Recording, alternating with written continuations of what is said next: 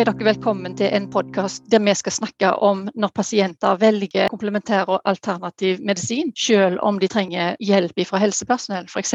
pasienter som har komplekse behov. Jeg er Bente Kvilhausvik, jeg er førstelektor i sykepleie i Høgskolen på Vestlandet i campus Stord. Og jeg skal få lov å snakke med deg i dag, Geir Sverre Braut. Ja, takk for invitasjonen til å være med her i dag. Jeg heter Geir Sverre Braut, som du sa, og jeg er lege, spesialist i samfunnsmedisin og arbeider i en toårsstilling på Høgskolen på Vestlandet innenfor temaet helsetjeneste og helsefag. Mm, sånn at du er professor hos oss? Ja, det stemmer. Så har jeg arbeidet tidligere innenfor tilsynsarbeid, både som fylkeslege i Rogaland og som assisterende direktør i Statens helsetilsyn i mange år. Ja, Du har mye kompetanse, det er veldig bra. Så snakker vi om at dette med komplementær og alternativ behandling det kan jo av og til være et lite minefelt kanskje òg. Iallfall så kan det være veldig mye usikkerhet når pasienter har f.eks. komplekse behov. Det kan jo være innenfor psykisk helse, eller det kan være i forbindelse med rehabilitering eller andre ting. Har du lyst til å si litt om hva er det pasientene har rett på, egentlig? Ja, når det gjelder alternativ og komplementær behandling, så kan jeg vel knapt si at pasientene har noen juridiske rettigheter knytta til det. Og helsetjenesten har i og for seg ingen forpliktelse til å gjennomføre slik behandling i forhold til pasientene. Pasientene mm. må slik sett skaffe seg det på egen hånd. Og mm. det står det fritt opp til pasienter å gjøre innenfor ganske vide rammer. På den andre sida er det en bestemmelse i det som heter lov om alternativ behandling av sykdom fra 2003, som sier at eh, en på visse vilkår kan forutsette at eh, gjennomføring av alternativ og komplementær behandling skal skje i samarbeid eller samforståelse med pasienten sin lege. Utgangspunktet må da være at Eh, pasienten vil ha denne type behandling, og mm. at eh, den som er pasienten sin lege, finner det forsvarlig å gjennomføre det. Så kommer jeg litt tilbake til det senere. Så det er slik sett ikke noe forbud for helsetjenesten å medvirke med gjennomføring av alternativ og komplementær behandling. Men helsetjenesten har i og for seg ikke en plikt til å, å medvirke til det. Selv om loven da på en måte gir en slags oppfordring til samarbeid eller samforståelse. Og så er det en del grenser knytta til dette her, da. Mm. Blant annet så er det da slik at eh, alternativ eller komplementær behandling det kan ikke gjennomføres dersom denne behandlingen medfører alvorlig helserisiko for eh, pasienten. Også så I utgangspunktet er det slik at en kan heller ikke benytte alternativ eller komplementær behandling til behandling av allmennfarlige smittsomme sykdommer, som type tuberkulose f.eks. Eller mm. når det gjelder andre alvorlige sykdommer, kreftsykdommer. Da er likevel eh, grunnlaget i loven slik at eh, en kan benytte alternativ behandling hvis den utelukkende har til hensikt å lindre eller dempe symptomer som følge av sykdommen eller den behandlinga som pasienten får.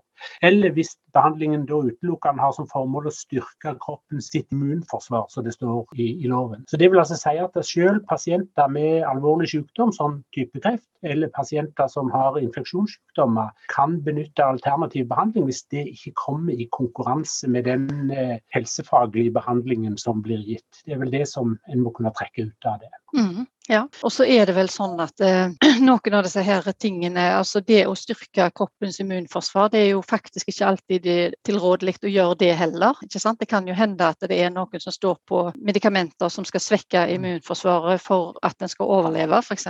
Mm. Ja, og da tenker jeg, da blir det slik at eh, den som er ansvarlig lege eller annen type helsefaglig behandler, må, må avgjøre om det er innenfor det vedkommende kan se på som forsvarlig å delta i denne behandlingen behandlingen. Helsepersonell kan ikke bestemme hva pasientene selv på eget initiativ skal gjøre, men helsepersonell er nødt til å følge kravet om forsvarlig virksomhet i helsepersonelloven med alt det de gjør. Så hvis det er slik at helsepersonell, sykepleiere, leger eller andre blir utfordra på å gjennomføre en behandling som de mener er i motstrid til det som de skal hjelpe til med, så kan de ikke være med på den behandlingen. Mm. Og Da kommer jo den problemstillingen da, at eh, pasienter gjerne tenker at ja, men dette er så ufarlig, dette her kan jeg bare gjøre. Og så har de gjerne opplevd at helsepersonell gjerne har vært negative, og så forteller de ikke om den alternative behandlingen de får. Og dermed så sitter vi med noen jokere av og til òg. Så den her åpenheten er gjerne viktig å legge vekt på.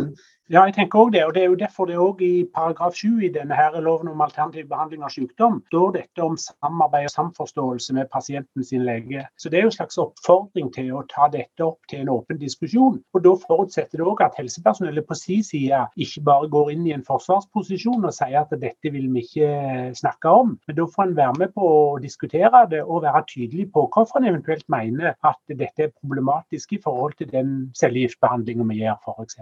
Mm, ja, så da kommer litt inn på helsepersonell, egentlig. Fra pasient, altså pasientens ståsted til helsepersonellet. Er det noe mer en må tenke på?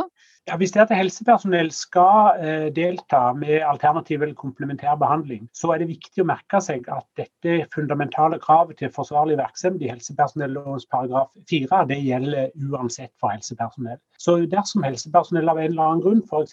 skulle ønske å delta med akupunktur, med bruk av urtemedisin, eh, med ting som handler om aromaterapi osv., så, videre, så må en uansett se til at dette skjer innenfor de rammene som handler om forsvar forsvarlig, forsvarlig hjelp. Og så kan vi si ja, hvor, hvor, går de rammene da? Og En sånn en, eh, kanskje effektiv prøve på det, det syns jeg jeg har funnet når jeg snakker med helsepersonell og de spør meg om det. og sier ja, er dette noe du har diskutert med kollegaene dine?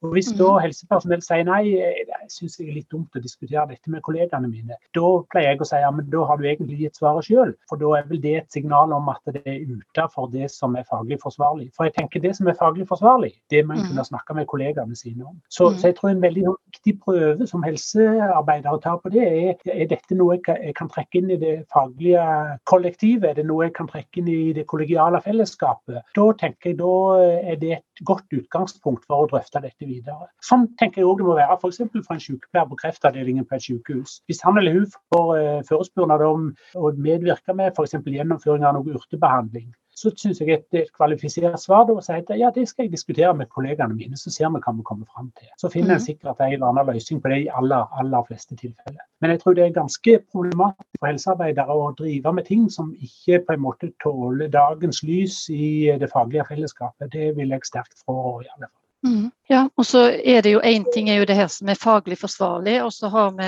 en annen ting som handler om konsensus. Gjerne altså hva er det vi har diskutert, og er det sånn at her er det noen som er veldig imot aromaterapi på sykehjem, eller er dette noe som er innafor, er det greit, og hvordan skal vi forholde oss til det, og hvordan er det med slitne pårørende, er det noe vi kan nevne, eller er det noe som vi gjerne skal la de få lov å finne ut av sjøl? Ja, mye kan en nok la folk få lov til å finne ut av sjøl, for alt i verden, men det som på en måte skal skje i en organisatorisk sammenheng, der en på en måte skal forvente at et fagmiljø på en sykehjem eller sykehus eller i hjemmesykepleien deltar, det tenker jeg det man kunne dra inn i det kollegiale fellesskapet. Så får en ta de diskusjonene som kommer da. Og, og, og, da tenker jeg at eh, det som det egentlig handler om, det er å gjøre en vurdering av innebærer dette helserisiko for pasienten. Innebærer dette noe som gjør at den behandlinga som en ellers gir pasienten, ikke får den virkningen den skulle ha hatt? Da bør det eh, lyse noen eh, oransje og, og røde lamper. Men hvis det at dette er sett på som uproblematisk i forhold til å påføre pasienten ytterligere risiko, eller det er sett på som uproblematisk i forhold til den behandlingen som pasienten ellers får, så tenker jeg eh, dagens Norge bør en kanskje være ganske romslig med hva en kan akseptere at folk sjøl velger. Mm.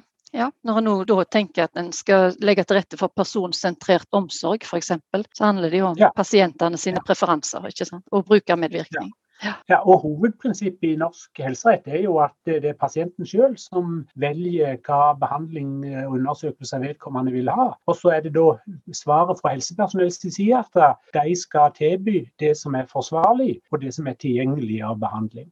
Og, og Da blir det en vurdering av om det er forsvarlig. Og kjernen i forsvarlighetsvurderingen det handler om er dette noe som kan være til fare for pasienten. Og Hvis det er det, så er det disse oransje og røde lampene skal blinke. Og Hvis det er noe mm. som er i motstrid til den behandlingen som pasienten ellers får, så tenker jeg òg det er god grunn til å la en oransje lampe blinke. i, i alle fall. Men utover det så tenker jeg veldig mye opp til pasienten sjøl og hvem å ta stilling til. Og så må òg pasientene på den andre sida kunne respektere at helsepersonell sier at nei, dette vurderer vi som så risikabelt at vi ikke ønsker å medvirke til det. Så hvis du vil ha det, så får du greie deg på egen hånd. Mm. Eh, og det er vel gjerne ikke noe i veien for oss å gå inn i samtaler med en terapeut om Nei. pasienten sterkt ønsker heller. sånn at på den måten kan en jo gjerne finne ut hva er det egentlig av behandling som vedkommende mm. får. Ja, og Det tenker jeg ligger i forlengelsen av den bestemmelsen i paragraf 7 om eh, at en kan ha en behandling i samarbeid eller samforståelse med pasientens lege. Og, og Det forutsetter jo at en har hatt en, en kommunikasjon om hva dette dreier seg om. Mm. Men alt det sagt, så er det også viktig å være klar over at når det gjelder alternativ og komplementær behandling, så er det ikke noe krav om forsvarlighet i utgangspunktet. Altså det, mm. det, det, er ikke en slags standard som en måler det opp imot, på samme måte som en måler sykepleiefaglig virksomhet opp imot et eller annet, og legefaglig virksomhet opp imot et eller annet. Så innenfor uh,